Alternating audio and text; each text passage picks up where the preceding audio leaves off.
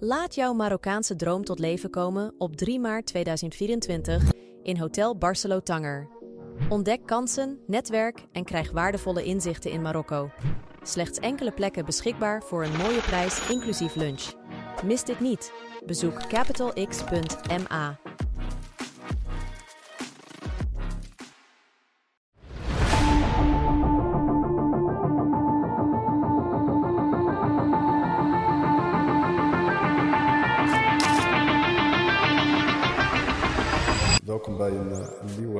aflevering.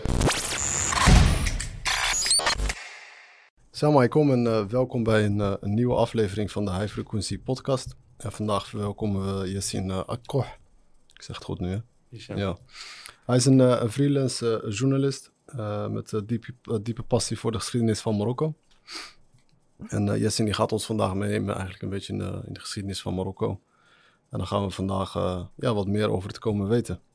Ik denk voor vele wereld-Marokkanen is eh, vaak de geschiedenis van Marokko eh, iets wat eh, een onbekende terrein is en eh, waar ze gewoon niet veel eh, informatie over hebben. Ik zelf eh, in principe eigenlijk eh, heb ook niet heel veel kennis over de geschiedenis van Marokko. Ik ook niet. Nee, ja. Ik ook niet. Ik woon hier al 16, 16 jaar.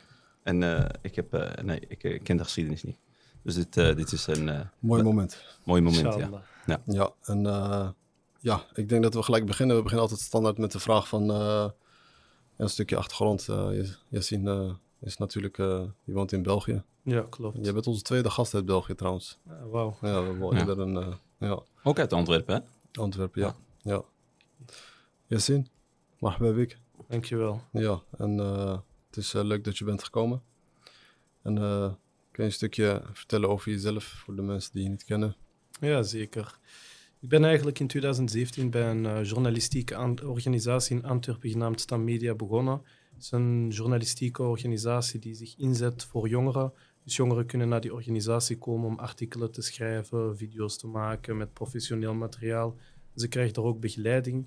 En de, de stukken worden gepubliceerd op hun website. En ze werken ook samen met tal van media in België. Dus als andere media het artikel interessant en goed vinden, nemen ze het ook over op hun eigen website. Dat heb ik voor een paar maanden gedaan. En op een gegeven moment dacht ik van oké, ik ga eens proberen om een stuk te verkopen aan een magazine eh, genaamd Knak. En de hoofdredacteur van Stam Media kende die hoofdredacteur. En die heeft mij toen in contact gebracht met hem, Jago Kosolowski. En heb ik mijn eerste artikel als freelancer gepubliceerd destijds. En dacht ik van oké, ja, ik kan het. Dus waarom ga ik niet gewoon zelf verder proberen de wereld van freelance eh, te ontdekken? Heb ik op die manier gedaan. En toen ben ik eigenlijk ja, in die wereld terechtgekomen. En heb ik intussen tijd sinds 2018 voor Belgische, maar ook internationale media gewerkt. Het gaat echt van eh, artikelen schrijven tot video's maken, foto's maken en eh, noem maar op. En ehm, ik heb altijd eigenlijk een eh, interesse gehad in de geschiedenis van Marokko en specifiek de Rif, dus het noorden van Marokko. En ehm, ja, als je jong bent is het moeilijk om al die dingen te, te begrijpen, want al, ik denk al sinds mijn twaalfde jaar dat ik eh, op eh, YouTube aan het zoeken was naar video's over de geschiedenis van de Rif en Abdelkrim al-Khattabi, maar het is natuurlijk moeilijk om alles te begrijpen. En eh, ja, toen op die leeftijd waren toen ook de protesten in de regio van El-Hussima aan de gang, begon ik dan ook te volgen, er werd internationaal over bericht. En er werd dan ook vaak gerefereerd naar de geschiedenis en Abdelkrim al-Khattabi. Dan ben ik eigenlijk een beetje verder beginnen onderzoek te doen. En op een gegeven moment begin je, ja, het is net zoals eigenlijk in de business. Op, eh, in het begin weet je helemaal niets en met de tijd begin je te weten hoe dingen werken, naar wie je op zoek moet gaan, wie je moet bezoeken. En dan ben ik eigenlijk familieleden gaan bezoeken van eh, ja, oude strijders die hebben gevochten voor de onafhankelijkheid van, eh, ja, van, van de RIF tegen de kolonisatie, maar ook de onafhankelijkheid van Marokko. Uh, ben ik archieven beginnen verzamelen en noem maar op. En dan heb ik ook eigenlijk een, eh, een pagina opgericht op sociale media, RIF Archives, waar ik dus allerlei eh, dingen die ik vind deel. Het zijn vaak heel korte fragmenten, maar dat is ook gewoon om mensen aan te zetten om, verder, om zich verder te verdiepen in de geschiedenis van de RIF en eh, Marokko. Dat is eigenlijk een korte samenvatting. Introductie. Ja, Ja. leuk. Leuk. En waar is die passie eigenlijk vanuit ontstaan dat je op een gegeven moment dan zo, zo ge- geïnteresseerd was in de geschiedenis van Marokko? En dan vooral, eh, zoals je eigenlijk al zei, voornamelijk het stukje dan eh, het Rif. eh. Ja, ja. Mijn vader hij komt ook uit de regio van El Hussima, dus er is sowieso een link met de geschiedenis van de Rif. Maar um, ja, ik, op jonge leeftijd en ook in de regio El Hoceima, maar algemeen in Marokko. Je hebt natuurlijk nu bijvoorbeeld Fes is eigenlijk al jarenlang een culturele stad waar musea zijn, maar in El heb je dat niet echt. Dus het is een beetje moeilijk om de geschiedenis te ontdekken. Dus het gaat eigenlijk vooral via familieverhalen en wat je hoort. Um, en er is dus eigenlijk ja, een link met mijn familie. Uh, een van mijn tantes uh, is getrouwd met een man uit Azrar. En Azrar ligt naast Ejdir. Dat was eigenlijk waar Abdelkrim al-Khattabi zijn hoofdkwartier had gevestigd, waar hij zich uh, organiseerde om te vechten tegen de koloniale machten Spanje en Frankrijk. En uh, in zijn achtertuin uh, van mijn oom zijn dus enkele grotten. En die grotten werden dus blijkbaar gebruikt door strijders om te, om te schuilen tegen de bombardementen. En ja, die verhalen werden dus verteld. En ook als we naar zijn huis reden, uh, zagen we ook het hoofdkwartier, of toch uh, waar ooit het hoofdkwartier van Abdelkrim heeft gestaan. En zo is die interesse eigenlijk een beetje ontstaan. Maar zoals ik zeg, van, ik was denk ik 12 jaar of jonger, dus ik begreep er ook niet heel veel van. van wat doen de Spanjaarden en de Fransen in Marokko? Van, je begrijpt het ook niet goed, hoe zijn die hier gekomen?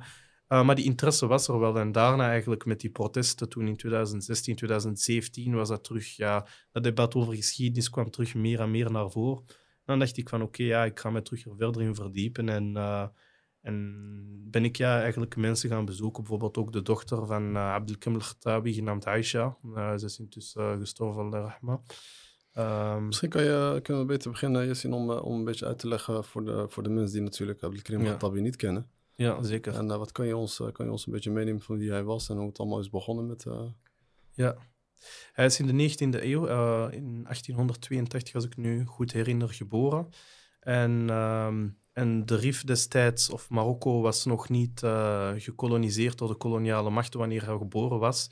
Maar de jaren daarna begon er steeds meer een dreiging te komen uh, van, van koloniale machten eigenlijk. want het Westen meerdere landen, waar ook bijvoorbeeld ja, Duitsland, die had ook wel interesse in Marokko om, uh, ja, om een stuk van Marokko te krijgen en dergelijke. Want destijds waren al heel veel landen uh, gekoloniseerd en uh, de westerse landen waren dus aan het kijken om Afrika verder te koloniseren. En om gewoon eigenlijk nu aan te halen, Marokko is dus eigenlijk officieel in 1912 gekoloniseerd. Dus dan is er ook een, een overeenkomst gekomen tussen de heerser van Marokko en de Fransen en de Spanjaarden om een protectoraat te vestigen in Marokko. Maar bijvoorbeeld Algerije, het buurland, is al in 1830 gekoloniseerd. Dus eigenlijk geruime tijd voor Marokko gekoloniseerd. Dus eigenlijk als je kijkt, was Marokko uh, ja, helemaal ingesloten door de koloniale machten. En daarna had je natuurlijk ook Europa. Dus uh, het was ook vrij moeilijk natuurlijk uh, die tijd. En op een gegeven moment ja, waren er allerlei... Um, aanleidingen en uh, gebeurtenissen in de geschiedenis waar Frankrijk eigenlijk dingen in zag om hun kolonisatie te legitimeren. Zijn ze eigenlijk begonnen met steden te bezetten, uh, bijvoorbeeld uh, Oujda, als ik het goed heb, maar zeker ook Casablanca. Die waren eigenlijk al bezet in, in het begin van de 20e eeuw, dus eigenlijk voordat het contract ook ondertekend is geweest tussen de heerser van Marokko en, en Frankrijk. Uh, maar we moeten ook rekening houden, uh, het is niet dat uh, voor de 20e eeuw dat er totaal geen banden waren of dergelijke met westerse mogendheden. bijvoorbeeld Ceuta en Melilla zijn al steden die al honderden jaren geleden bezet zijn geweest. Dus, en zeker ook in de regio van Nador was er ook handel tussen de Spanjaarden en de Rifijnen. Dus dat is een beetje een korte schets van hoe dat de situatie destijds was. Oké, en wanneer uh, dit op een gegeven moment werd Abdelkrim al-Khattabi werd natuurlijk ouder en dan? Ja, Abdelkrim al-Khattabi, dus uh, als ik verder op hem ga. Um, hij is dus eigenlijk opgegroeid en uh, geboren in de Rif, in de omgeving van El-Husima. En zijn vader was een geleerde.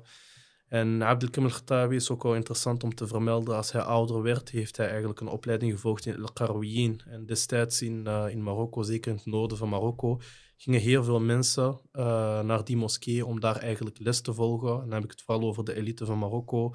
En uh, leerde die allerlei, um, ja, hoe zou ik het zeggen, thema's over de islam en uh, noem maar op. Dus het was een heel belangrijke plaats en daar heeft hij ook zijn educatie gehad. En de dreiging die begon eigenlijk al te vormen en zijn vader had contacten met de Spanjaarden. Dus er was ook een soort van samenwerking tussen de familie El-Khattabi en, en, en de Spanjaarden. En het was eigenlijk, hoe zou ik het zeggen, in de situatie in de Rif, je had eigenlijk voorstanders van de kolonisatie, tegenstanders van de kolonisatie. Dus er was ook een heel conflict en Ehm, dat is een beetje hoe dat de Rifijnse samenleving er destijds uitzag. En het is ook wel interessant om te weten, uh, je had het centrale gezag eigenlijk, uh, de Marzen zoals we noemen. Uh, en die wordt geleid door een sultan. En je had verschillende sultans, maar je had bijvoorbeeld bepaalde momenten wanneer de contacten tussen de sultan en de lokale bevolking, ik heb het nu over heel Marokko, goed waren of positief waren, en andere tijden wanneer het mindere tijden waren.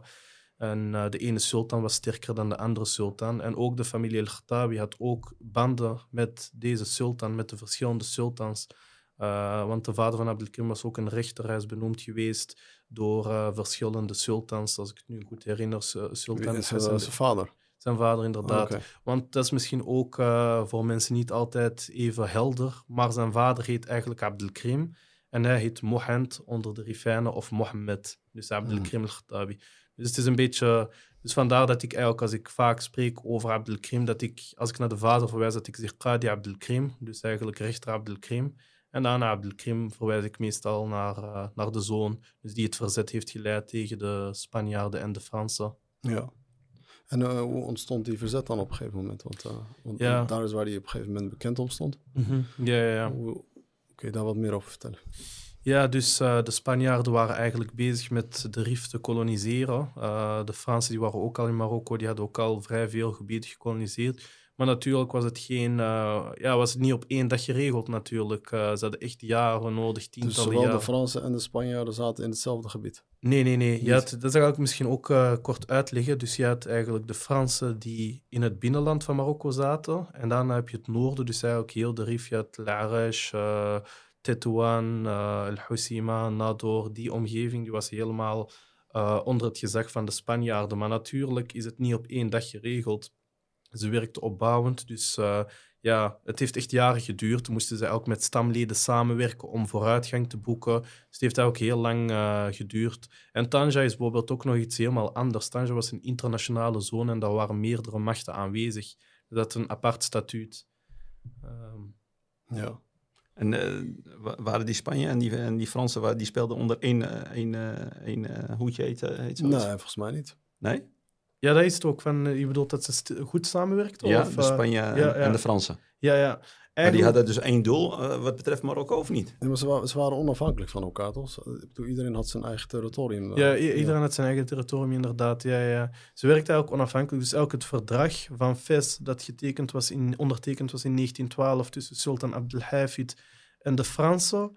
Um, de Fransen die hebben dus dat contract ondertekend, maar de, Fra de Spanjaarden kregen dus ook een gebied in het noorden van Marokko en ook een klein deeltje, bijvoorbeeld Sidi viel ook onder de Spanjaarden.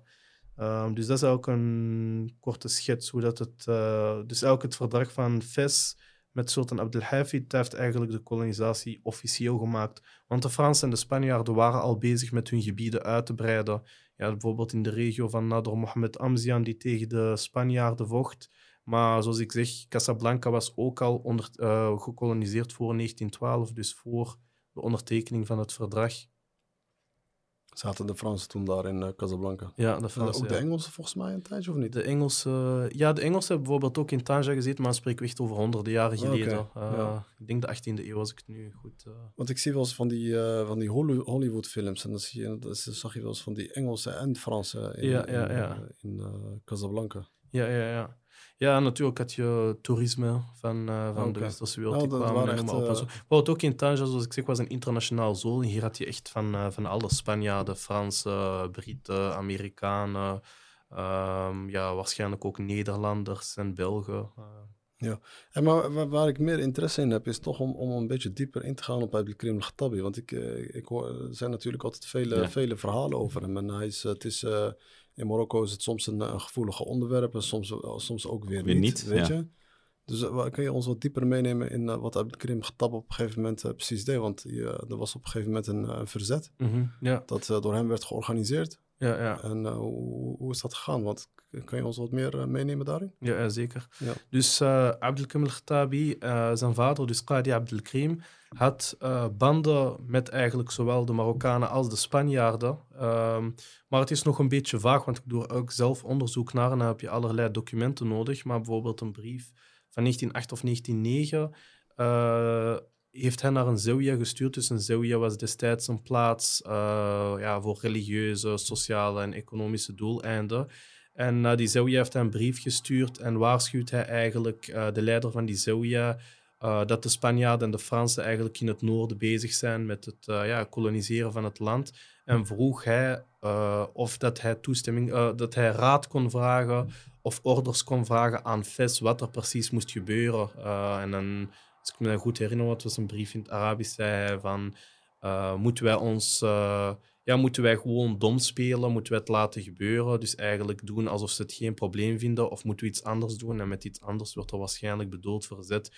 En de band van Abdelkrim, uh, van de vader, was een beetje vaag, omdat er ook, hun huis is bijvoorbeeld ook in brand gestoken door mederifijnen die hen eigenlijk ja, beschuldigden van collaboratie met de Spanjaarden. Dus het is een heel uh, complexe en uh, moeilijke periode, want je had ook uh, Wereldoorlog 1 natuurlijk. Dat is ook iets dat heel weinig mensen weten. Dus officieel 1912 werd het verdrag van Fes ondertekend. Dus waren de Fransen in Marokko en daarna kwamen ook, de Spanjaarden natuurlijk. Die hadden al Ceuta en Melilla. En vanuit Ceuta en Melilla probeerden ze eigenlijk rustig aan op te trekken richting het binnenland om alles te koloniseren. Maar toen was eigenlijk Wereldoorlog 1 uh, aan het gebeuren. En uh, dat is ook geopolitiek, zoals we vandaag ook zien. Andere machten die zich gaan moeien en die ook hun aandeel willen hebben. En dan had je de Duitsers en de Ottomanen die samen gingen werken en die dus ook naar Marokko zijn gekomen, het noorden van Marokko, naar de Rif, om eigenlijk een jihad uit te roepen tegen de Fransen.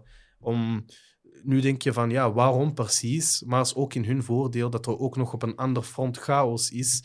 En niet enkel uh, ja, op Europees of Turks grondgebied. Dus eigenlijk om een beetje de situatie ook af te leiden. En toen was er ook eigenlijk een, uh, een, een, samenwerking uh, tussen de familie El-Khattabi samen met de Ottomanen en de Duitsers. En uh, om zich te verzetten. En die documenten kan je ook gewoon in de archieven terugvinden. Dus je kan niet eigenlijk zuiver zeggen van oké, ja, de familie werkte enkel met de Spanjaarden of noem maar op en zo.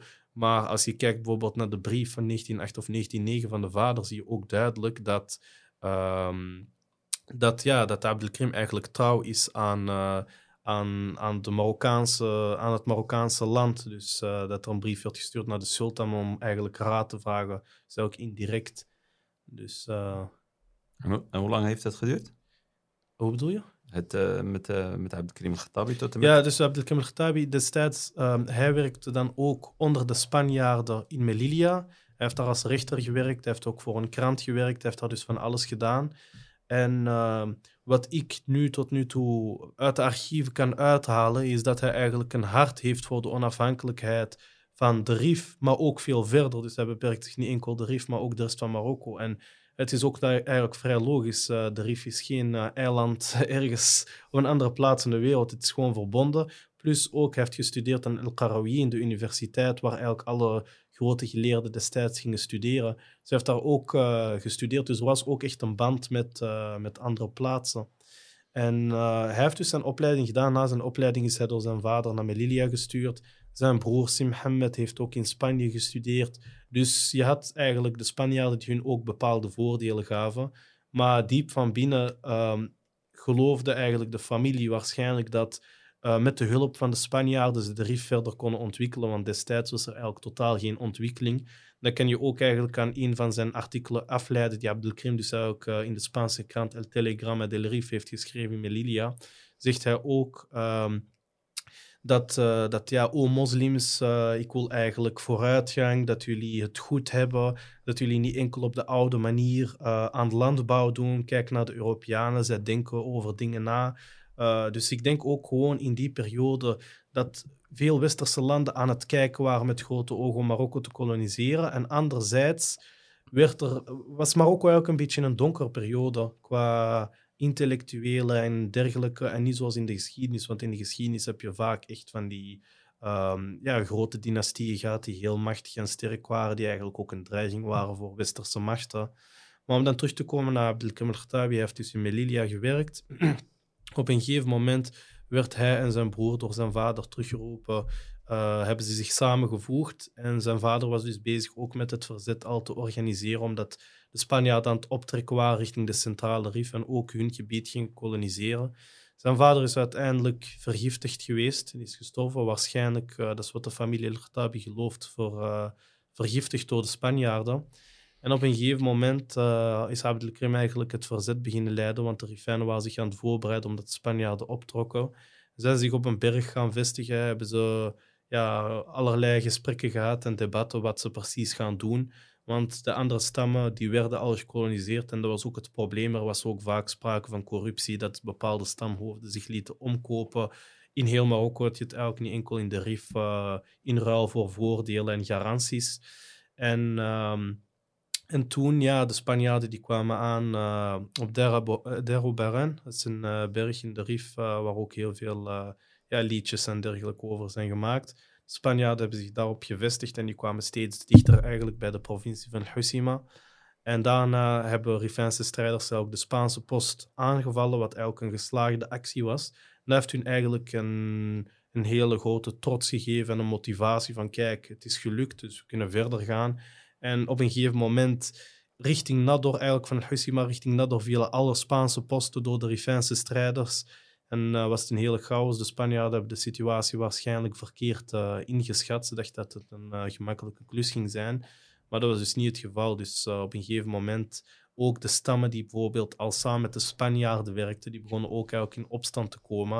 En op een gegeven moment ja, had je zowel strijders die die richting uitgingen om de Spanjaarden ook weg te sturen, maar ook mensen die met de Spanjaarden samenwerkten, in opstand kwamen tegen de Spaanse koloniale macht. En dan hebben ze eigenlijk de Spanjaarden zo goed als teruggedreven naar Melilla, waar ze eigenlijk dus al honderden jaren gevestigd waren.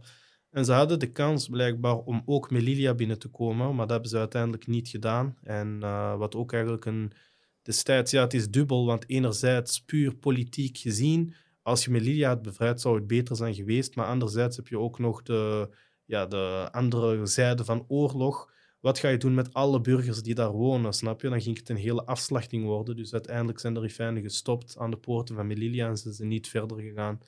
En, uh, en daarna eigenlijk heeft Abdelkrim al-Khattabi, was destijds al, ik spreek nu over 1921, heeft hij ook een, uh, is hij bezig geweest met het oprichten van een eigen staat. Omdat hij het ja, natuurlijk belangrijk vond om... Uh, om een sterke staat te hebben, want je kan natuurlijk niet zomaar het verzet ongeorganiseerd laten. Is eigenlijk bezig geweest met het verzet te organiseren. Heb je bijvoorbeeld ook uh, uh, internationale contacten gehad, want Abdelkrim schreef ook met mensen internationaal in Marokko en ook daarbuiten voor zijn zaak.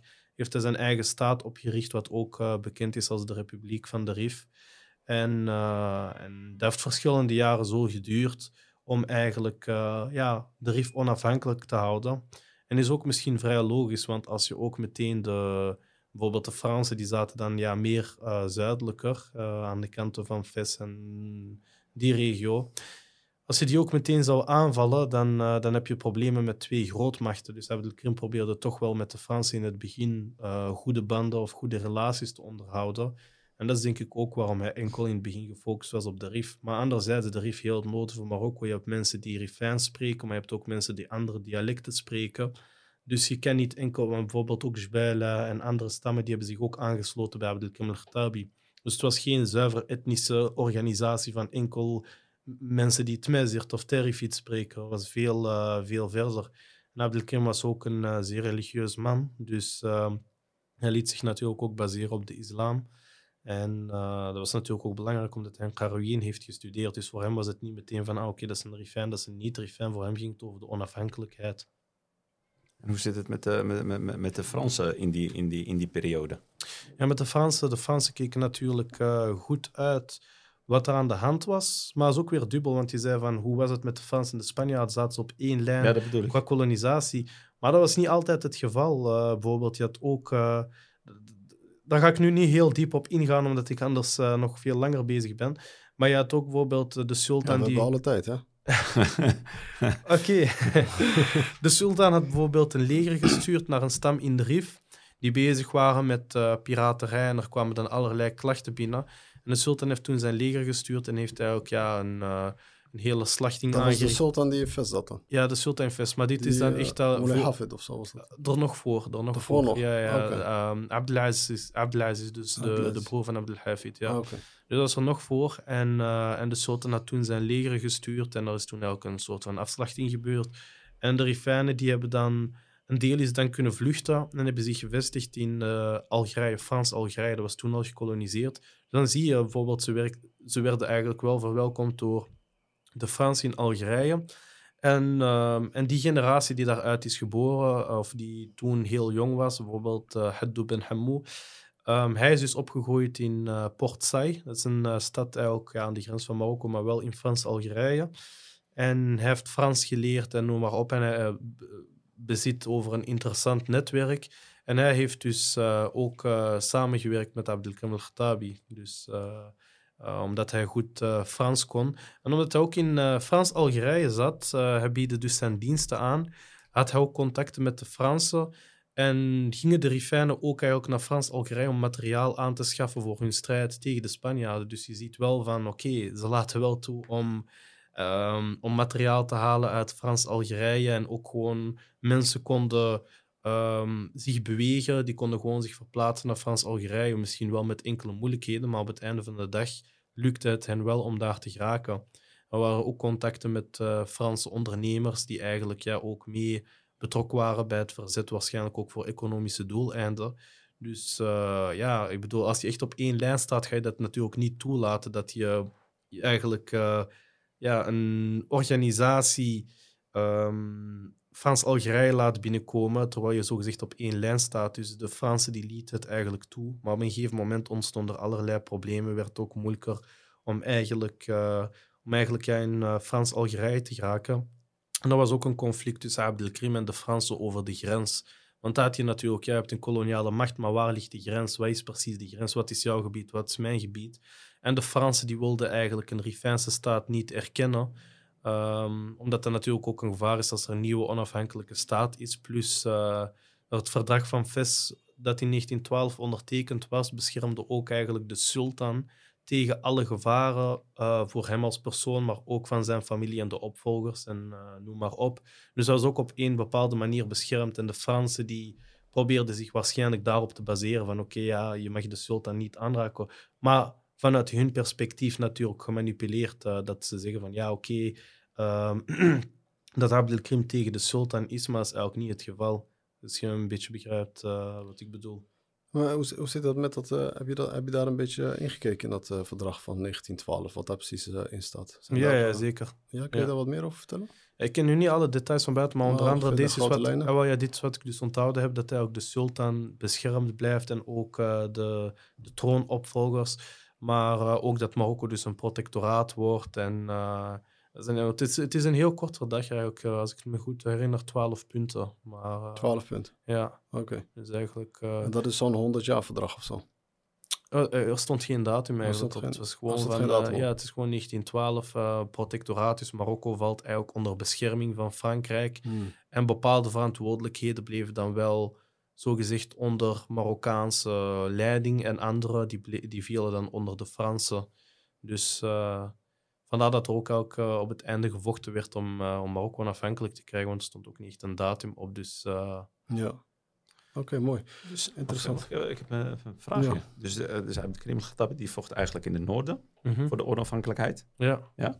En, en, en waar de Fransen waren, wie vocht, wie vocht daar voor de onafhankelijkheid? Ja, dat is het ook van. Uh, er zijn bepaalde mensen die enkel denken dat de Rifijnen hebben gevochten voor de onafhankelijkheid en dat er alleen Rifijnen waren die vochten. Maar om echt een, voorbeeld aan te halen, de Rifijnse strijd is eigenlijk. Uh, Abdelkrim heeft zich overgegeven in 1926. Maar ze vochten allemaal voor, voor, voor Marokko, neem ik aan, toch? Voor hun grondgebied. Niet per se voor Marokko, voor hun grondgebied, snap je? Uh, zeker ook van die context. Je moet rekening houden, het was gewoon, wij zijn moslims en wij vechten samen met elkaar tegen de ongelovigen die het land binnenkomen. Vanuit die uh, visie kan je het eigenlijk bekijken. Mensen waren toen heel ja, religieus, traditioneel. Het was een andere tijd ook. Um, dus ja, zoals ik zei, van 1926 heeft Abdelkrim zich overgegeven. 1927 is het verzet gestopt, want Abdelkrim had zich overgegeven, maar niet iedereen gaf zich mee over. waar mensen die bleven strijden. Maar als je bijvoorbeeld kijkt naar de Atlas, de Atlas die hebben ook nog tot de jaren 30 verder gevochten tegen de Fransen. En zijn dan pas gekoloniseerd geweest. Dus het was niet enkel dat er in de Rif verzet was, maar ook in andere plaatsen in Marokko. Dus... Uh, mogen dat ook zeker niet vergeten in, uh, in de geschiedenis. En ik denk ook dat het uh, ja, voor veel mensen onbekend, is, uh, onbekend terrein is. En wie waren dat die in de atlas waren? Want dat, dat behoorde waarschijnlijk toch ook tot, tot MSR. Ja, je had niet enkel immers die zich verzetten, je had ja. gewoon overal. Maar natuurlijk heb je ook collaborateurs. Dus dat is ook van... Het hangt af van hoe je de geschiedenis bekijkt. Je kan de geschiedenis bekijken vanuit een standpunt van mensen die collaboreerden. Anderen die bijvoorbeeld vanuit uh, ja, een vrijheid, die vochten voor de vrijheid van hun land. Dus je kunt dat ook vanuit de, de, de geschiedenis vanuit verschillende perspectieven bekijken. In regio's had je bijvoorbeeld grote verraders, maar anderzijds had je ook grote strijders. Het was hetzelfde met de RIF, dat je ook echt mensen had die gewoon met de Spanjaarden samenwerkten en tegen de Rifijnen vochten. Anderen die dan weer samen tegen de Spanjaarden vochten of tegen de Fransen. Ja, interessant. Het was een grote chaos. Ja, een bende. Complexe geschiedenis. Ja. En zeker om op een uh, korte tijd uit te leggen en samen te vatten. En er was er nog een andere bekende figuur, dat is Tariq ibn Zayd. Is dat, uh, maar dat is meer uh, Algerijns... Uh, Tariq ibn Zayd ja. was degene die eigenlijk de zee is overgestoken richting Spanje, maar is ook een veel langere tijd geleden. Maar is ook een, een, heel groot figuur. maar ik ben eerder bezig met de geschiedenis van van Marokko en Noord-Afrika van de 20e eeuw tot heden. Dus, ja. dus uh, ik weet wel de hoogtepunten, wat er ongeveer gebeurd is, welke personages er bestaan natuurlijk, maar het is niet echt dat ik manuscripten daarover heb gelezen. Of, ja. Uh, hey, en, en, wat gebeurde dan daarna? Want je zei op een gegeven moment, Abdelkrim Khattab, die, die, die had zich overgegeven in 1926? Ja, Abdelkrim had dus zijn staat uh, gevestigd en de naam Rif Republiek werd gebruikt onder andere ook door, de, zoals ik zei, er waren samenwerkingen met Franse, ja, Franse vanuit een politiek, uh, bedoel, een economische uh, visie die eigenlijk ook waarschijnlijk geld wilde verdienen aan, uh, aan de oorlog. Er waren allerlei samenwerkingen en op die documenten zie je ook bijvoorbeeld La République du Rif, dus de Rifijnse Republiek en noem maar op. maar voor de Rifijnen zelf is ook duidelijk om te benadrukken, het is eigenlijk geen echte betekenis. voor hen was het eerder van oké, ja... Um, uh, het, is, het geen republiek zoals in Frankrijk of de Verenigde Staten, voor alle duidelijkheid. Abdelkrim al-Khattabi, hij was de leider. Hij werd uitgeroepen in 1923 tot Emir al-Mujahideen. Dus eigenlijk, uh, je zou het kunnen vertalen als de prins van de strijders voor het geloof. Dus die titel heeft hij gekregen. Hij heeft geen titel van sultan gekregen. En dat wou hij ook niet. Voor hem was het gewoon, ik ben een uh, moslim zoals jullie. Ik vecht tegen de vijanden. En dat is het. En hij wilde zijn land ook moderniseren. Dat maakt Abdelkrim een bijzonder personage in de geschiedenis. Want zoals ik al zei, je hebt over heel Marokko verschillende figuren gehad die het verzet begeleid. Maar Abdelkrim al-Khattabi had ook nog een modern karakter. En die wilde ook de RIF moderniseren door wegen aan te leggen en telefoonnetwerk. En dat heeft hij dus ook gedaan. Hij heeft wegen aangelegd, een telefoonnetwerk aangelegd. Hij had uh, contacten internationaal. Dus hij was uh, los van een traditionele leider ook echt een modernist. En... Um, hij heeft ook een eigen vlag opgericht, uh, die jullie misschien kennen, de, de, de Rifijnse vlag. En hij heeft dus eigenlijk een, eh, een staat opgericht, maar op een gegeven moment uh, is het heel, belangrijk om ook te vermelden, de Spanjaarden begonnen ook gifgas te gebruiken, mosterdgas vanuit vliegtuigen, waardoor je vandaag de dag nog veel mensen hebt die in de regio van El en gewoon in de Rif algemeen kanker hebben. want er zijn verschillende plaatsen die destijds gebombardeerd zijn geweest met gifgas. Dus uh, wij kunnen ons er niet veel bij voorstellen, maar uh, destijds, ja, fotoapparaten waren schaars. Het waren vooral de Europeanen die fotoapparaten hadden.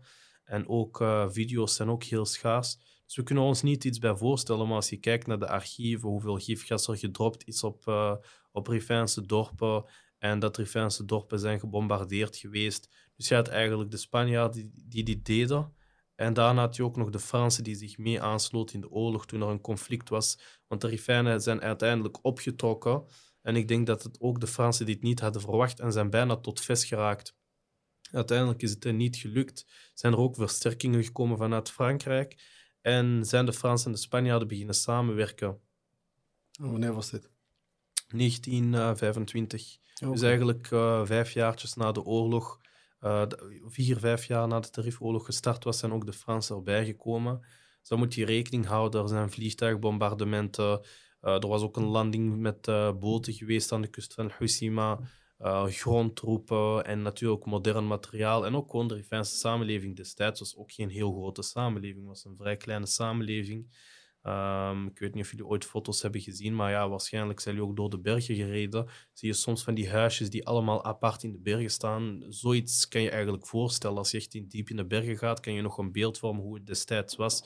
bijvoorbeeld een stad zoals El Hoceima bestond totaal niet. die is pas eigenlijk echt ontwikkeld en ontstaan na de kolonisatie van de Spanjaarden. Ja, ah, interessant.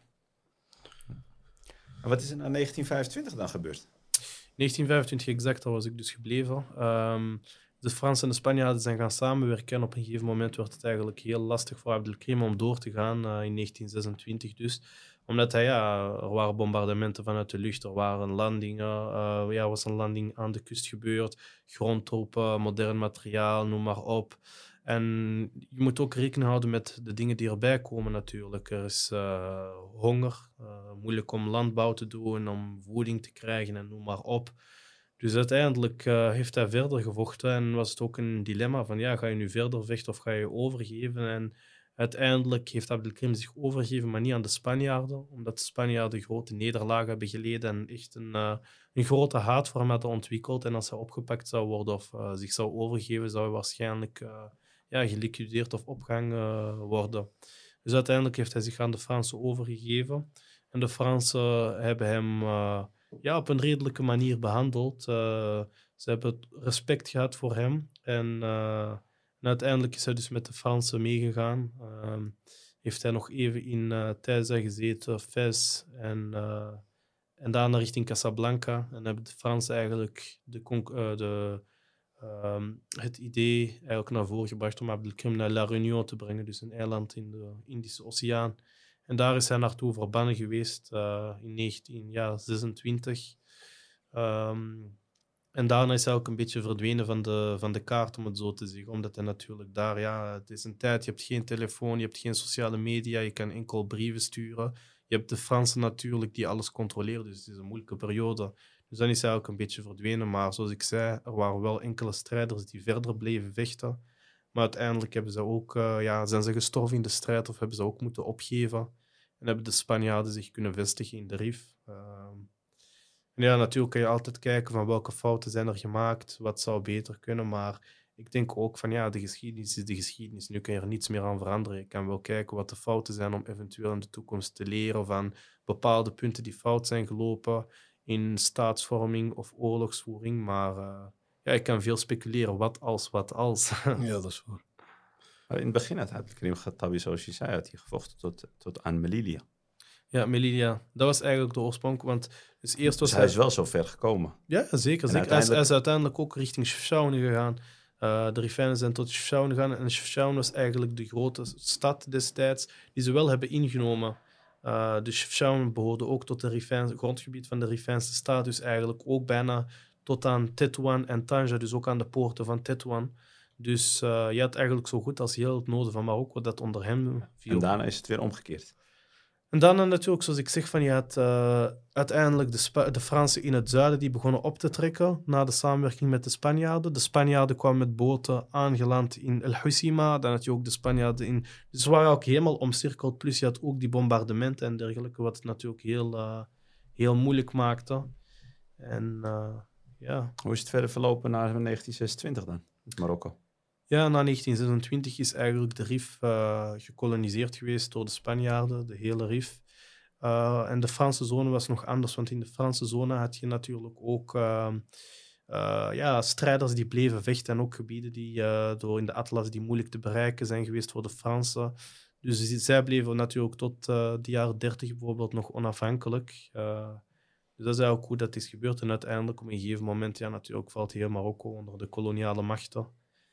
Dus, uh...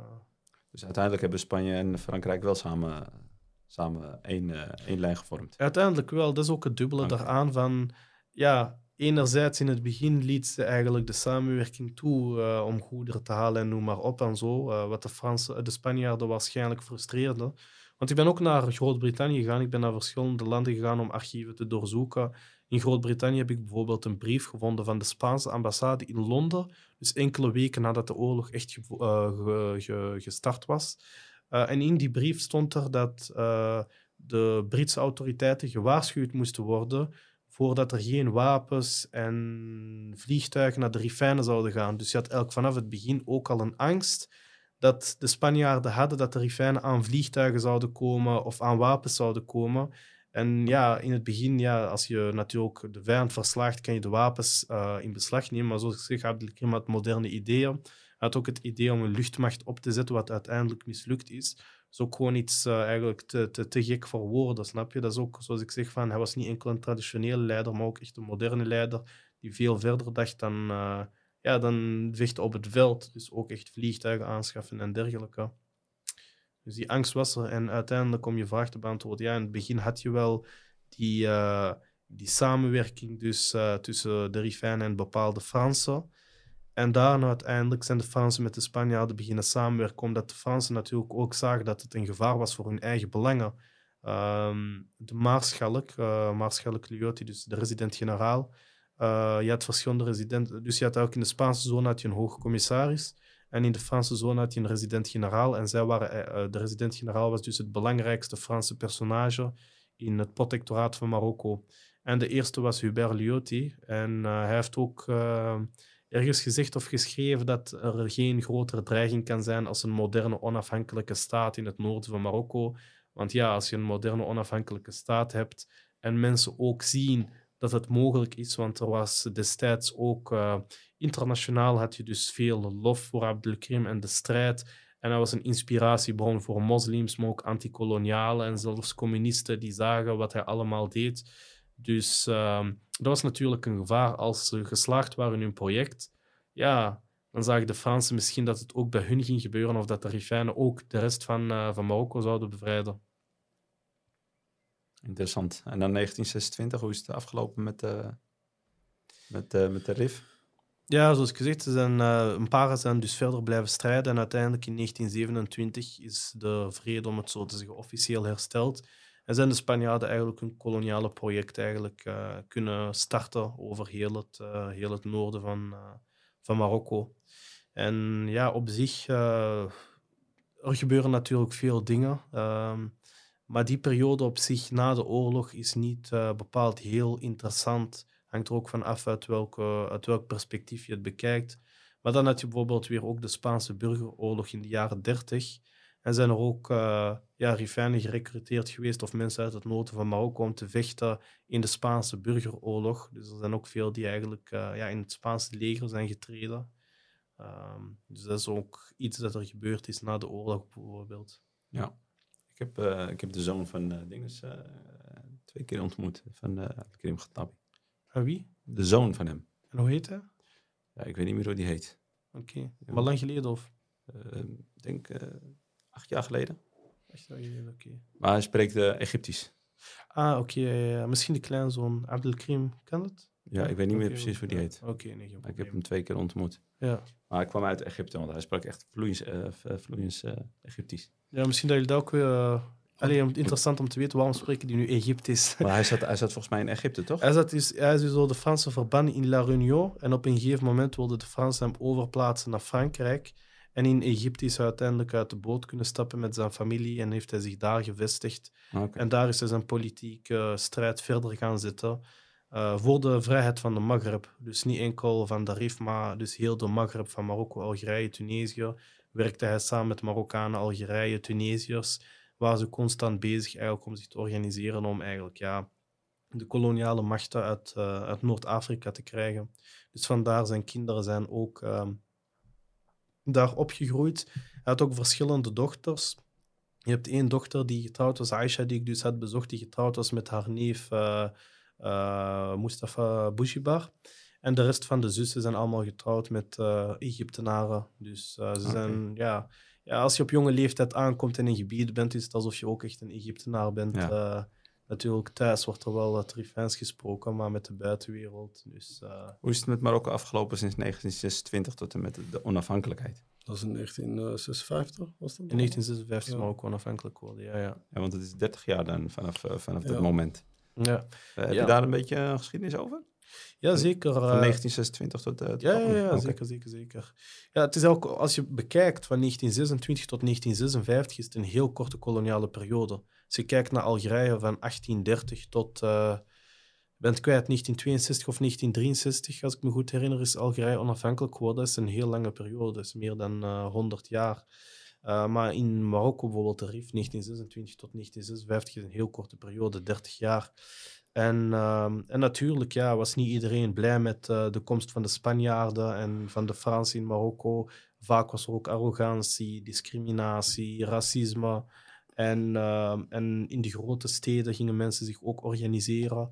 Bijvoorbeeld de Istiklal-partij is een voorbeeld, maar er zijn ook nog andere organisaties die zich begonnen organiseren om eigenlijk verzet, uh, hervormingsbewegingen om meer rechten te krijgen en dergelijke. En dan zie je ook vaak dat het eerst gaat om hervorming, daarna gaat het eigenlijk echt om onafhankelijkheid als er uh, geen andere optie is. En, uh, en, in de grote steden begonnen zich ja, ook te, te organiseren. Um, en ja, Wereldoorlog 2 is ook weer een ander verhaal. Wereldoorlog 2 heeft ook een impact op Marokko gehad. Omdat ja, de machten bang waren dat de nazi's zouden komen en de anderen waren weer bang. Uh, ja, het, het, was ook een heel een politiek spel natuurlijk. Er zijn natuurlijk ook allerlei dingen die gebeurden. Uh, de sultan van Marokko bijvoorbeeld, uh, die tijdens de Rifoorlog op de troon zat, Sultan Youssef. Um, hij was eerder iemand die samenwerkte met de Fransen, dus die collaboreerde. En Abdelkrim heeft toch geprobeerd om, uh, om, ja, om banden te onderhouden met, uh, met de sultan. Maar uiteindelijk, één jaar na de oorlog in 1927, is de sultan gestorven. Als ik het me nu uit mijn hoofd herinner. En daarna is Mohammed ben Youssef aan de macht gekomen. Dus Mohammed Khaim is Mohammed V. En hij, hij was dus ook in het begin eigenlijk aan het samenwerken met de Fransen. Maar op een gegeven moment werd hij ook meer nationalistischer. En uh, na Wereldoorlog 2 werd er ook gesproken met, uh, met uh, als ik het goed heb, de Amerikaanse president Roosevelt. En, uh, en ja, op een gegeven moment was de strijd eigenlijk begonnen. En in de RIF begonnen ze dan ook weer de wapens op te nemen. Uh, maar dan tegen de Fransen, de regio van Xnein, waar je oorspronkelijk vandaan komt. Ja. Eh, dus die regio, daar begonnen ze ook het verzet terug te organiseren en dergelijke. Dus zo is het eigenlijk een beetje gegroeid. Wanneer kwam koning Mohammed V aan de macht? Mohammed V was in 1927, als ik het goed herinner. Dus meteen na de dood eigenlijk van zijn ah, okay. vader. Want hij heet Mohammed ben Youssef, Mohammed de zoon van Youssef. Okay. En, ja, en, en 1927 tot en met 1956, is, uh, toen kwam de onafhankelijkheid. Dus 30 jaar was hij aan de macht. Dus hij heeft eigenlijk 30 jaar voorbereid om een onafhankelijke staat te creëren. Ja, zoals ik zeg, in het begin werkte hij ook in mijn ogen samen met, of tot wat ik weet, met de Fransen maar op een gegeven moment, mensen evolueren ook. Hè. Jij bent niet dezelfde persoon als 10, 20 jaar geleden. Zeker niet. Dus, uh, dus ja, we kunnen mensen niet eigenlijk oordelen op één punt van het leven, snap je? Ja, ja. Soms uh, doe je bepaalde dingen en daarna kom je tot inzicht of gebeuren er andere dingen en verander je daar eigenlijk in. Maar ja, daarna ook de onafhankelijkheid van Marokko heeft ook voor allerlei problemen gezorgd natuurlijk. Want je had een deel dat onder de Fransen viel, een deel onder de Spanjaarden. Ja, is een beetje hetzelfde als een Marokkaan die opgroeit in Nederland en een Marokkaan die hier opgroeit. Soms ja, heb je echt van die dingen die voor jou vanzelfsprekend zijn en voor de anderen niet. Klopt. Dus daar had je ook eigenlijk dat er denk ik een verschil was in mentaliteit, maar ook bepaalde dingen vielen weg. Bijvoorbeeld ja, als de Spanjaarden vertrokken, de, de munteenheid verdween mee. Um, ja, administratie was toen in het Spaans of er werd ook Rifijns gesproken, komt ineens het Frans mee in de RIF of bijvoorbeeld het Arabisch of het Derija, dat mensen niet altijd uh, beheersten. Dus dat maakt het ook eigenlijk moeilijker. Uh, um, dat je ja, ineens een staat hebt en je moet ineens alles organiseren en een eenmaking en is uh, heel lastig. Zeker ook hier in Marokko heb je veel etnische groepen. Dus, dus als we kijken naar, nu naar het huidige Marokko, dan, dan is er eigenlijk veel werk geleverd. Als we het zo mogen zien. Ja, het hangt ook af vanuit welk perspectief je het natuurlijk bekijkt. Je kunt niet ontkennen dat er veranderingen zijn geweest, maar het is, een, ja, het is een lange weg geweest en ik denk dat we nog een lange weg te gaan hebben. Dat sowieso, maar als we dat vergelijken met uh, 1956 of wat, je, of wat je nu zegt, al die mhm. chaos die daar speelde, dan, dan is het nu redelijk, redelijk geordend. Ja, ja. Maar dat was het ook van 1956 had je ook bijvoorbeeld ja, de Spanjaarden, de Fransen zijn niet zomaar het land uitgegooid, om het zo te zeggen. Um, je had ook uh, nog samenwerkingen met de Fransen. Dus de Fransen zijn eigenlijk... Ja, er was een politieke onafhankelijkheid in Marokko, maar de Fransen waren ook nog steeds hier aanwezig en dergelijke. Dat is eigenlijk ook een beetje het probleem voor sommigen. Da daar ontstond ook het conflict van... Er is geen echte onafhankelijkheid in Marokko. Er is een halve onafhankelijkheid. In, ja, de Fransen zijn zogezegd vertrokken, maar ze zijn er nog steeds. En dat heeft ook natuurlijk voor, uh, voor problemen gezorgd. Abdelkrim, die in Egypte zat heb ik ook recent een brief over ontdekt. Voor hem was Marokko in 1956 nog niet onafhankelijk. Voor hem was de onafhankelijkheid nog niet voltooid. Oké. Is, er is ook zo'n uitspraak die ze zeggen in Derija. Dan zeggen ze dat de Fransen dat ze zogenaamd eh, de deur hebben gesloten, maar eh, ze zijn eh, via de ramen zijn ze naar buiten gegaan. Ja, ja. Ja, Zoiets. Misschien zou- dat er, dat er afspraken gemaakt zijn. Ik, ik, Ja, ik, ik heb daar altijd wel interesse in gehad. Ik dacht altijd van ja, ik dacht een keer als ik tijd zou moeten hebben, dan zou ik eens een keertje in die verdragen willen gaan kijken van die, die toen destijds in 1956 eigenlijk dan met, met eh, ja, de, koning toen destijds eigenlijk zijn eh, ondertekend van wat is er precies eh, afgesproken. ja, ja. ja. Begrijp je? En, en er zijn daar ook op een gegeven moment weet ik wel dat er een aantal verhalen zijn. En dat was bijvoorbeeld een bekende figuur die heet Ben Barak of zo. Ben Barka. Ben Barka, ja. Op een gegeven moment naar Frankrijk was gevlucht. En eh, die, die, man die begon echt over Marokko. eh, ja, die, die had het meer over de koninklijke familie en zo. Maar dat, dat was ook een hele... Ja, hele- revolutionair, socialistisch. Ja. ja, ja. Dus ja, ik, ik, ik heb daar altijd wel interesse in gehad van wat is er nou eigenlijk precies afgesproken, weet je. Want inderdaad, als je gaat kijken, vooral op economisch, eh, op e- economisch gebied, dan zie je inderdaad in een paar sectoren, nou ik denk een paar sectoren, ik denk misschien wel vele sectoren, dat, dat eh, de Fransen nog echt wel heel actief zijn en grote spelers zijn. Ja, zeker. Nu zie je ook zo een, eh, ja, de, de, de banden natuurlijk met Marokko en Staten veranderen natuurlijk. Je hebt ook een tijdje een conflict gehad, zoals jullie weten, met Spanje. Nu zijn de relaties eigenlijk goed tot zeer goed tussen Spanje en Marokko. Maar dat heb je ook soms met andere landen, bijvoorbeeld met Duitsland en met Frankrijk. En spreek ik echt over de afgelopen jaren. Maar zie je ook vanuit eh, de bevolking dat er een reactie komt op bijvoorbeeld het Frans, dat er nog steeds veel Frans wordt gebruikt. Of dat eh, de Fransen bepaalde voordelen hebben. Uh, en dan denk ik ook van ja, je komen bijna ja, 50, 60 jaar te laat. Marokko is in 1956 onafhankelijk geworden en nu pas komt die reactie van ah ja, het Frans en noem maar op. En dan denk ik van ja, uh, het is wel een beetje laat. Je ziet het ook qua taal, dat het een beetje richting Engels gaat. Ja, inderdaad. Ja, ja. ja. Dus uh, dan denk ik ook van ja, is ook wel een beetje laat. Ja. Ik heb, maar, ik maar heb... dat is wel de vraag die ik heb. Dan denk ik van, want dat is waarom ik er echt graag, graag een keertje in wilde gaan kijken. Van, ik dacht van als ik tijd zou hebben, dan zou ik echt daar diep in willen gaan kijken. Want ik denk inderdaad dat er waarschijnlijk echt wel 100% gewoon echt wel overeenkomsten waren. Jazeker, ja. En dat, dan praten ze vaak over, dat zijn meestal van die 100 jaar contracten. Of ik, ik weet niet hoe, het allemaal, hoe lang het allemaal duurt, maar dat zie je bijvoorbeeld ook uh, in, Afrikaanse uh, landen. in andere Afrikaanse landen, maar je ziet het ook in Turkije bijvoorbeeld, die had ook bepaalde verdragen. En dan zie je, de, en dan zie je inderdaad op een gegeven moment in de afgelopen jaren, dan zie je onder andere dat, uh, dat Marokko op een gegeven moment heel bij de hand begint te worden tegen Frankrijk. Weet je, dat, uh, dat, dat ja. we hun hulp niet nodig hadden bij de aardbeving. Weet je, zulke dingen. Maar ook vele andere, ja, vele andere dingen die waren gebeurd. Maar ook wat hij net zojuist zei van... Ik zie op een gegeven moment ook een hele grote verschuiving bij alleen maar de taal. De Frans begint wel echt een beetje langzamerhand te verdwijnen. Ja, ja. Je ziet bij heel veel jongeren die spreken nu vloeiend Engels dan dat ze uh, uh, Frans praten. Maar je hebt het nog wel in bepaalde steden. In, in, dat zeggen we altijd bijvoorbeeld Rabat en zo en, en, en Marrakesh. Casablanca ook nog wel aardig, de, waar het, het Franse taal nog wel een beetje machtig is. Maar toch onder de vele jongeren zie je toch wel dat ze toch liever naar, naar het Engels gaan. Ja. Maar hoe komt dat? Weet je, dan denk ik van.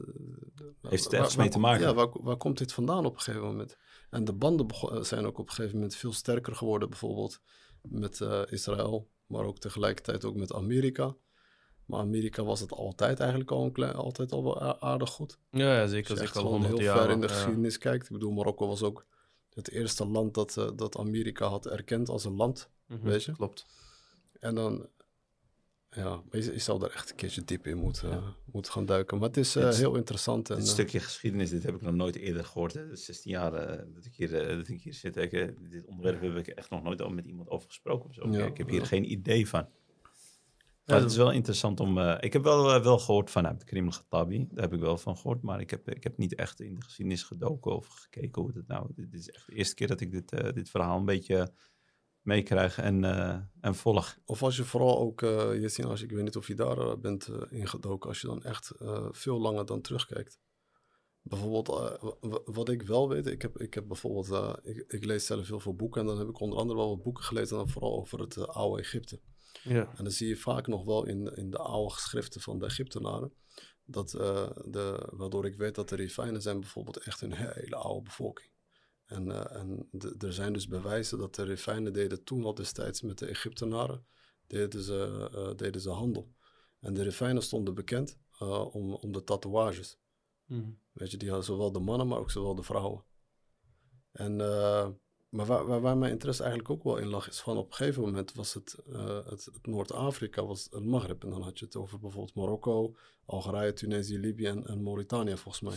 Ja, ja. Misschien dat ik even kort uh, corrigeer. Je had Rifijnen gezegd, maar ik denk dat je Imeziran bedoelt. Want Rifijnen zijn enkel in het noorden van Marokko. Maar je bedoelt eerder algemeen. Ja, Imeziran in het noorden van uh, Afrika, Noord-Afrika. als ik ja, heb over Rifijnen, dan heb ik het echt over de Berberse bevolking. En ze noemen, ja, de Berberse bevolkingen. Ja, ja Imeziran, Tot zover. Uh, het, kwam, het is zelfs terug te vinden in de oude geschriften van, van de Egyptenaren. Als de Egyptenaren worden gezien als een van de oudste bevolkingen ter wereld. Ja. Dus... Maar om even terug te gaan naar dat andere stukje, bijvoorbeeld, eh, heb je daar wel eens ingedoken van om te kijken van, daar had ik ook vaak heel veel vragen van, hoe kan dat nou? Als je inderdaad kijkt naar Marokko, want dat is zowel Algerije of Tunesië of Libië, het, het, het, taal komt in principe vrijwel goed overeen. Uh, het is best wel verstaanbaar voor een Marokkaan en, en zowel ook voor een Algerijn, maar ook voor een, een, een, iemand uit Libië. En dan op een gegeven moment is er iets ontstaan waardoor bijvoorbeeld heel die Maghreb bij elkaar is gegaan. Ja, ja ik, uh, ik ben vooral gespecialiseerd in de 20e eeuw tot heden, ja. ook de moderne geschiedenis. Dus minder in die periode, maar uh, natuurlijk, zoals ik zeg, je ken wel de hoogtepunten. En je hebt ook verschillende dynastieën. Dus ik denk ook van dat we niet echt uh, etnisch kunnen kijken van, ah, oké, ja, we zijn één geheel, misschien ooit in een diep verleden. Maar als je kijkt in de afgelopen honderden jaren, heb je verschillende dynastieën gehad. Uh, je hebt de Meriniden gehad, je hebt de Moahideen, Moabitien. Uh, ik zeg ze nu niet chronologisch, dus je hebt ook verschillende dynastieën gehad. En die, ja, die hadden hun grondgebied. En die, zoals ik zei, van... Er waren ook bijvoorbeeld, er was toen ook bijvoorbeeld dat Marrakesh bijvoorbeeld de hoofdstad was van dingen. Maar dat was dan met die ja, je, hebt, je, hebt verschillende ja, hoofdsteden ja. gehad in Marokko. Meknes was een hoofdstad geweest, Fes is een hoofdstad geweest, Marrakesh is een hoofdstad. Ook, wat was het met, bijvoorbeeld met Teza? Want Teza had ook best wel een hele rijke... Teza ook, ja. Maar is nee, geen hoofdstad geweest, zover ik me uh, herinner. Niet, maar... Nee. Okay. Maar het was wel een belangrijke stad. Een belangrijke stad net zoals Chefchaouen. is. okay. is ook zo'n okay. een andere belangrijke stad.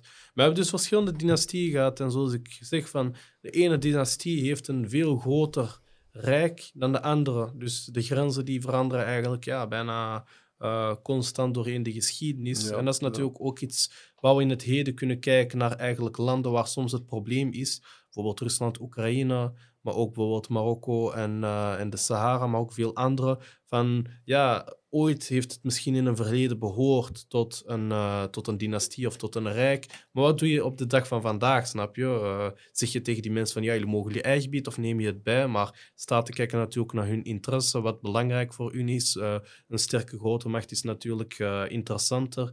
Want ja, natuurlijk ook met het communisme bijvoorbeeld heb je eigenlijk een heel groot rijk gehad. Of ja, hoe je het ook zegt, een grote staat. En nu zijn eigenlijk allemaal gefragmenteerde staatjes. Uh, dat is hetzelfde ook met Noord-Afrika, denk ik, dat je ook uh, ja, een moment hebt gehad waar dat ook de mensen die in het geografische hedendaagse Marokko wonen, die ook geheerst hebben over delen van Spanje, Algerije, zelfs Mauritanië en noem maar op. Dus ja, dat is natuurlijk politiek. Wat doe je met die gebieden? En ik denk dat een leider natuurlijk focust op, op, ja, op de belangen die uh, op zijn eigen belangen. En dat gaat kijken van een groot sterk gebied is natuurlijk ja, interessanter dan een klein zwak gebied. Jazeker. Hey, maar je, je, vertelde dus dat je ook in, natuurlijk in Spanje bent geweest. En daar heb je, heb je dus ja, het, op, je bent toen op zoek gegaan om te kijken van hoe de geschiedenis daar eruit zag voor Marokko, zei je toen? Of was het meer om Nee, nee, dat was een, een, vriend van mij. Oh, ja, vriend van ja. Oké, ik hoorde net zoiets. Of, ja, ja, ik hoorde ook. Ja? Dat je naar uh, Spanje ging voor, ja, ik ben, ik ben naar Groot-Brittannië geweest. Ja, ben, ja nee, nee, nee, voor het gesprek. Zei, voor ja, het gesprek zei ja, ja, ja, ja, ja, Maar dat is eerder over de Rifoorlog, die periode. Dus, okay. uh, en wat, wat, wat, geschiedenis. wat had je dan teruggevonden? Uh, ik ben naar een museum geweest in Toledo. Daar oh, heb je okay. bijvoorbeeld nog de originele vlag die uh, door de Rifijnse staat werd gebruikt. Die ligt dus mm. in Toledo. Uh, je hebt ook nog een veldtelefoon die destijds gebruikt is door de Rifijnen. En uh, ja, nog enkele schilderijen en foto's en okay, uh, dat soort dingen. Museum, ja, ja, museum okay. inderdaad. Ja, ja, ja. ja, mooi. Leuk. Ja, je hebt, je hebt ons veel bijgeleerd vandaag. Zeker, Ja, het is wel interessant. Ja. En wat, wat zijn de toekomstplannen? Wat, waar ga je nou meer op in verdiepen? Ik ben nu uh, bezig met een project waar ik inshallah de komende maanden misschien meer over kan delen, maar op dit moment nog niet. En uh, ik ben natuurlijk volop bezig met uh, de geschiedenis, dus verder onderzoek doen en uh, noem maar op. Ik ben een persoon die eigenlijk heel veel ja, documenten leest en alles. dus vandaar, ik ben niet echt een, een spreker, want ik wil altijd alles bewijzen natuurlijk. Dus het heeft eigenlijk veel tijd ja, nodig. dus ja, want mensen vaak beginnen zomaar te praten. Ik heb dit van mijn oom gehoord, dit van dit, ja. dit. En maar ik probeer echt gewoon te focussen op de waarheid. Op uh, ja, de waarheid natuurlijk gewoon op documenten en noem maar op. En zo primaire Ik heb dat gemerkt in, uh, in, de, in de gesprekken, ja. Je noemt, ja, ja. Je noemt echt de... Ja, dus ook bijvoorbeeld met data. Hebt, ik ben er bijna van overtuigd, maar als ik echt zeker wil zijn, moet ik het document er nog eens bij nemen. Dus uh, ik ben constant daar eigenlijk mee bezig. En uh, mijn toekomstplannen, ja, ik wil natuurlijk verder blijven werken rond de geschiedenis van de RIF en Marokko, omdat het heel belangrijk is. Uh, wordt helaas nog weinig tot niet voldoende voor gedaan. Dus uh, ik zeg tegen mensen van ja, als niemand het voor jou doet, dan moet je het gewoon zelf doen.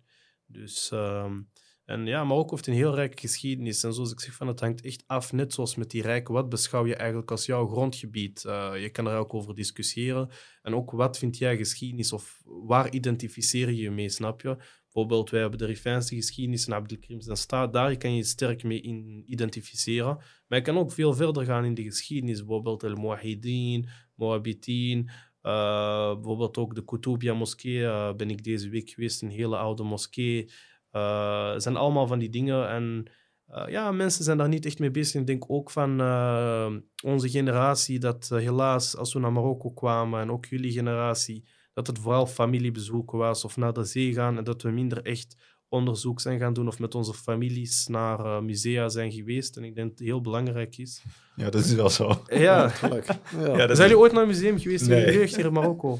Uh, nee, in Marokko niet, maar wel. Uh, wel ik, ik, ik, mijn interesses, ik ben laatst in Egypte geweest, maar mijn interesses gaan wel echt veel verder. Dus ik kijk echt veel verder in de. Ja, zeker. ja, dus echt uh, meer hoe, hoe zijn de piramides ontstaan, weet je, dus meer echt, meer echt dat stukje. Maar niet echt dat ik inderdaad in een museum in Marokko. Maar wij hebben, dat niet, wij hebben dat niet meegekregen. Ja. ja, daarom, dat is echt. wij zijn, vandaar ook, denk ik, dat is ook een van de redenen Waarom dat er ook een gebrek is aan trots bij veel mensen, omdat ze gewoon niet bewust zijn dat ze daarna gaan identificeren met ja, andere volkeren of andere gebeurtenissen in de geschiedenis. Wat ik ook bijvoorbeeld, uh, zoals ik zeg, het ene sluit het andere niet uit. Het is niet dat je onderzoek naar dit doet, dat het slecht is of noem maar op. Ik motiveer mensen eigenlijk om uh, onderzoek te blijven doen. Bijvoorbeeld de Afro-Amerikanen, uh, Malcolm X, dat is ook vaak een referentiepunt voor veel mensen. En wat niet verkeerd is voor alle duidelijkheid, maar ik denk ook van ga een beetje ook terug naar je eigen geschiedenis, want je hebt ook een hele rijke geschiedenis. We hebben ook heel veel rolmodellen. We moeten niet altijd focussen op Franse, Amerikanen, Spanjaarden of uh, Chinezen. We kunnen ook gewoon uh, ja, focussen op onze eigen geschiedenis. En, uh, en ik denk ook dat er nog veel werk is, omdat we deze natuurlijk moeten promoten. We moeten echt onderzoek doen, we moeten boeken schrijven, we moeten podcasts opnemen en noem maar op. En het is iets dat tijd nodig heeft. Maar uh, het is jammer eigenlijk dat je eigen personage uit geschiedenis gaat verwaarlozen. Ja, weet, weet, weet, je waar het, weet je waar het denk ik bij mij voornamelijk ligt? Ik heb, mijn interesses hebben er altijd wel uh, in gezeten. Ik herinner me nog een paar jaar geleden dat ik toen pas in, uh, toen ik, pas in Marokko kwam. En toen dacht ik van, in principe eigenlijk als je in een land zit, zou je eigenlijk het geschiedenis eigenlijk heel erg goed moeten kennen. Weet je? En, en, maar het probleem was vaak dan, de, het, het literatuur is meestal dan in het Frans of, uh, of in het Arabisch. Ja, mijn Arabisch is gewoon echt heel super slecht. En, uh, en het Frans, ja, dat was een taal, daar moet ik van kotsen. ik, wil niet eens, ik wil het niet eens leren, ik wil het niet eens lezen. Maar dat, dat, ja. dat stuk, ja, de, uh, heb ik wel. Dus dat ik, dat, dat ik, kijk, Arabisch taal is goed. Marokko is een Arabisch land, het is een islamitisch land. Kijk, uh, je kiest voor je eigen taal. Maar als, je, als ik dat Frans hoorde, dan, dan, dan dacht ik bij mezelf, waar zijn jullie nou mee bezig? Man? Ja, ja we, we, we, praten over onafhankelijkheid van 1956, waar mensen gigantisch voor gestreden hebben. Onze, onze voorouders. Toch? Ja, ja. ja en, en, en, en, bijna 70 jaar later zitten we, zitten we nog steeds nog, erop. We met trots. nog steeds Frans. ja. En, en, en, en, ja, en, zijn, uh, zoals hij dat zei, de, mensen zijn trots op het Frans. Ja, ja, ja, en dat snap ik daar niet. Dat is, dat is echt... Uh, dat is, uh... Ja, zeker. De elite in de grootsteden en zo, die spreekt gewoon Frans. Of in sommige restaurants, je komt... Uh, ja, en ze spreken opeens Frans. denk ik van, ja, ben ik hier in Marokko of ben ik in Frankrijk? Ja, ja, dat, dat, dat, dat, klopt, ja. Ja, ja maar waar, waar komt dat vandaan? Dat, dat, is, dat is wel een belangrijke, een belangrijk iets om te weten. Waar komt het vandaan? Dat het zo lang nog heeft geduurd. Ja, dat is een goede vraag. Maar we hebben ook heel veel uh, ja, Franse scholen. En uh, natuurlijk leer je daar bepaalde dingen die je natuurlijk niet op Marokkaanse scholen krijgt. En is de kwaliteit hoog. Maar anderzijds worden op Marokkaanse scholen weer dingen aangeboden. Ik denk vooral op vlak van religie, die weer niet op de Franse scholen worden aangeboden. Maar ik denk dat er vooral wordt gekeken naar de kwaliteit en ook gewoon de elite. Dat ja, uh, zij zijn er naartoe geweest, ze sturen hun kinderen daar naartoe. En dan hoor je in buiten bijvoorbeeld op straat gewoon Frans onderling spreken. Het is ook wel iets bizar ja, dat ik heb opgemerkt dat, uh, ja, dat bepaalde mensen echt nog uh, ja, verbonden zijn aan het Frans. Dus ik denk, ik ik denk dat... gewoon ouders gewoon, die gewoon continu Frans met hun kinderen praten. Ja, ja, ja, zeker, zeker. En, en het Arabisch gewoon een beetje achter, achterwege laten. Ja. En, de, en, en daar zijn ze trots op. In de, in de RIF heb je dat veel minder. En dat snap ik niet. Dat snap ik echt niet. In de, in de grote steden heb je dat, maar in de RIF heb je dat veel minder. Natuurlijk, wij, wij zijn niet gekoloniseerd geweest door de Fransen. De Spanjaarden, en als je kijkt naar de oudere generatie, die kunnen wel nog Spaans, maar als je kijkt naar de nieuwe generatie, maar misschien waren, was alles in het Frans qua, uh, wat betreft de overheden en, en de instanties. Ja, en, je, je, je, ziet het ook gewoon met, bijvoorbeeld met uh, documentatie. Als je bijvoorbeeld een gemeentehuis binnenstapt, is vaak alles gewoon nog ook in het Frans. Ook. Ja. ook alle aanvragen die je indient is, is in het Frans. Dus het, het, zit, het zit gewoon, weet je, het zit in het literatuur, dus je, je, on, je ontkomt er niet, eigenlijk niet aan. Ja, dus maar ik, misschien heeft het nog meer, iets maar, meer tijd nodig dat het gewoon helemaal vervaagt. Ja, maar je ziet wel dat ze nu bijvoorbeeld dan de MSC, MSC is, is als een ja. uh, officiële, uh, officiële taal nu. Dus uh, je Erkend. ziet het nu ook overal op, de, op, de, weet je, op de, die borden. Mm -hmm. Het zijn overal zie je het wel terug. Ja, gaat dat ooit veranderen? Ja, ik denk het vast wel. Vooral nu met die verschuiving wat we nu zien met dat Engels. Ik denk dat het in principe misschien niet lang, heel erg lang gaat duren. Want er is zeker wel iets aan gaande. En wat ik altijd zo mooi vind aan Marokko om ergens achter te komen, is vaak niet zo makkelijk uh, om te kijken van wat, is nou echt, wat zijn nou echt precies de plannen. Het is altijd zo'n geleidelijke, uh, het, uh, geleidelijke verandering waar je soms niet eens door hebt van wat er aan de hand is. en als je dat zou vergelijken in principe bijvoorbeeld met Europa. Als er bijvoorbeeld veranderen, grote veranderingen worden gemaakt, dan wordt dat vaak wel 1, 2 uitgelegd. Maar ja, de situatie zit daar ook veel anders in elkaar. Ik bedoel, Nederland of België was niet uh, het, uh, bezet door een, uh, door een ander land. Het is een heel complex land. Ja. Je moet ook echt, ja, ik kan niet echt veralgemenen. Het is vaak dat je echt kijkt naar een regio of naar een gebied. Of het is niet van ja, heel Marokko. En ik denk dat het ook heel moeilijk is om, ja, om, om hier echt de staat in te delen en dergelijke. Het is niet zoals. Nederland of België. Wij zijn vrij kleine landen. Maar hier als Marokko, als je kijkt, is een heel groot land. Ja. ja, dat is waar. Hey, uh, het was een uh, hele leuk gesprek, uh, Siasin. Ik, wij danken jou dat je ja, bent gekomen. En een stukje, je hebt ons een stukje van het geschiedenis van Marokko uitgelegd, waar wij ook veel van hebben opgestoken.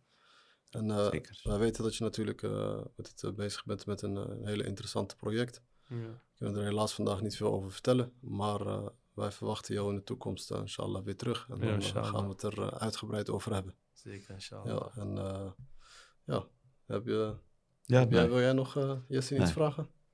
Ja. Jesse, kom je nog eens in Marokko uh, te wonen een keer?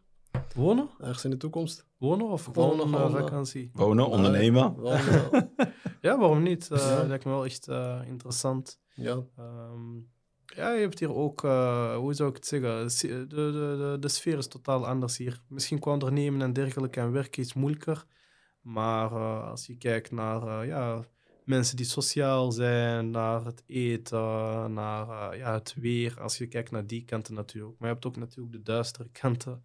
Zeker als je in El Husima gaat wonen of zo qua ziekenhuis. In de grote steden valt het misschien nog wel mee, maar El Husima is natuurlijk totaal anders. Uh, ik heb het ook zelf meegemaakt en verschillende mensen. Dat je hulp nodig hebt en dat je verschillende ziekenhuizen afgaat, maar dat je nergens behandeld kan worden, dat je geen ja. hulp kan krijgen. Dus het is een beetje afwegingen. Ja, maar, uh, maar het gaat wel in je gedachten gaat het wel eens rond. Ja, waarom niet? Ja, ja. Of misschien tussen België en uh, Marokko kan ook een leuke combinatie zijn. Zeker. Nogmaals bedankt, uh, Yassine, en uh, tot de volgende keer, inshallah. Dankjewel. We wensen je veel succes in de toekomst. Absoluut. Jullie ook. Shukran. Assalamu alaikum. Mijn naam is Mohamed Ayatari. Ik ben de algemeen directeur van Triple A. Is uw bedrijf klaar voor de toekomst? Bij AI Automation Agency brengen we innovatie naar uw deur. Wij zijn expert in het stroomlijnen van bedrijfsprocessen door middel van geavanceerde AI-technologie. Stelt u zich een wereld voor waarin uw dagelijkse taken efficiënter, sneller en foutloos worden uitgevoerd. Van klantenservice tot financieel beheer. Onze op maat gemaakte AI-oplossingen zijn ontworpen om uw bedrijf te transformeren. Neem vandaag nog contact met ons op en ontdek hoe AI Automation Agency uw bedrijf kan helpen groeien, innoveren en boven de concurrentie uitstijgen. AI Automation Agency transformeert uw bedrijf met de kracht van AI.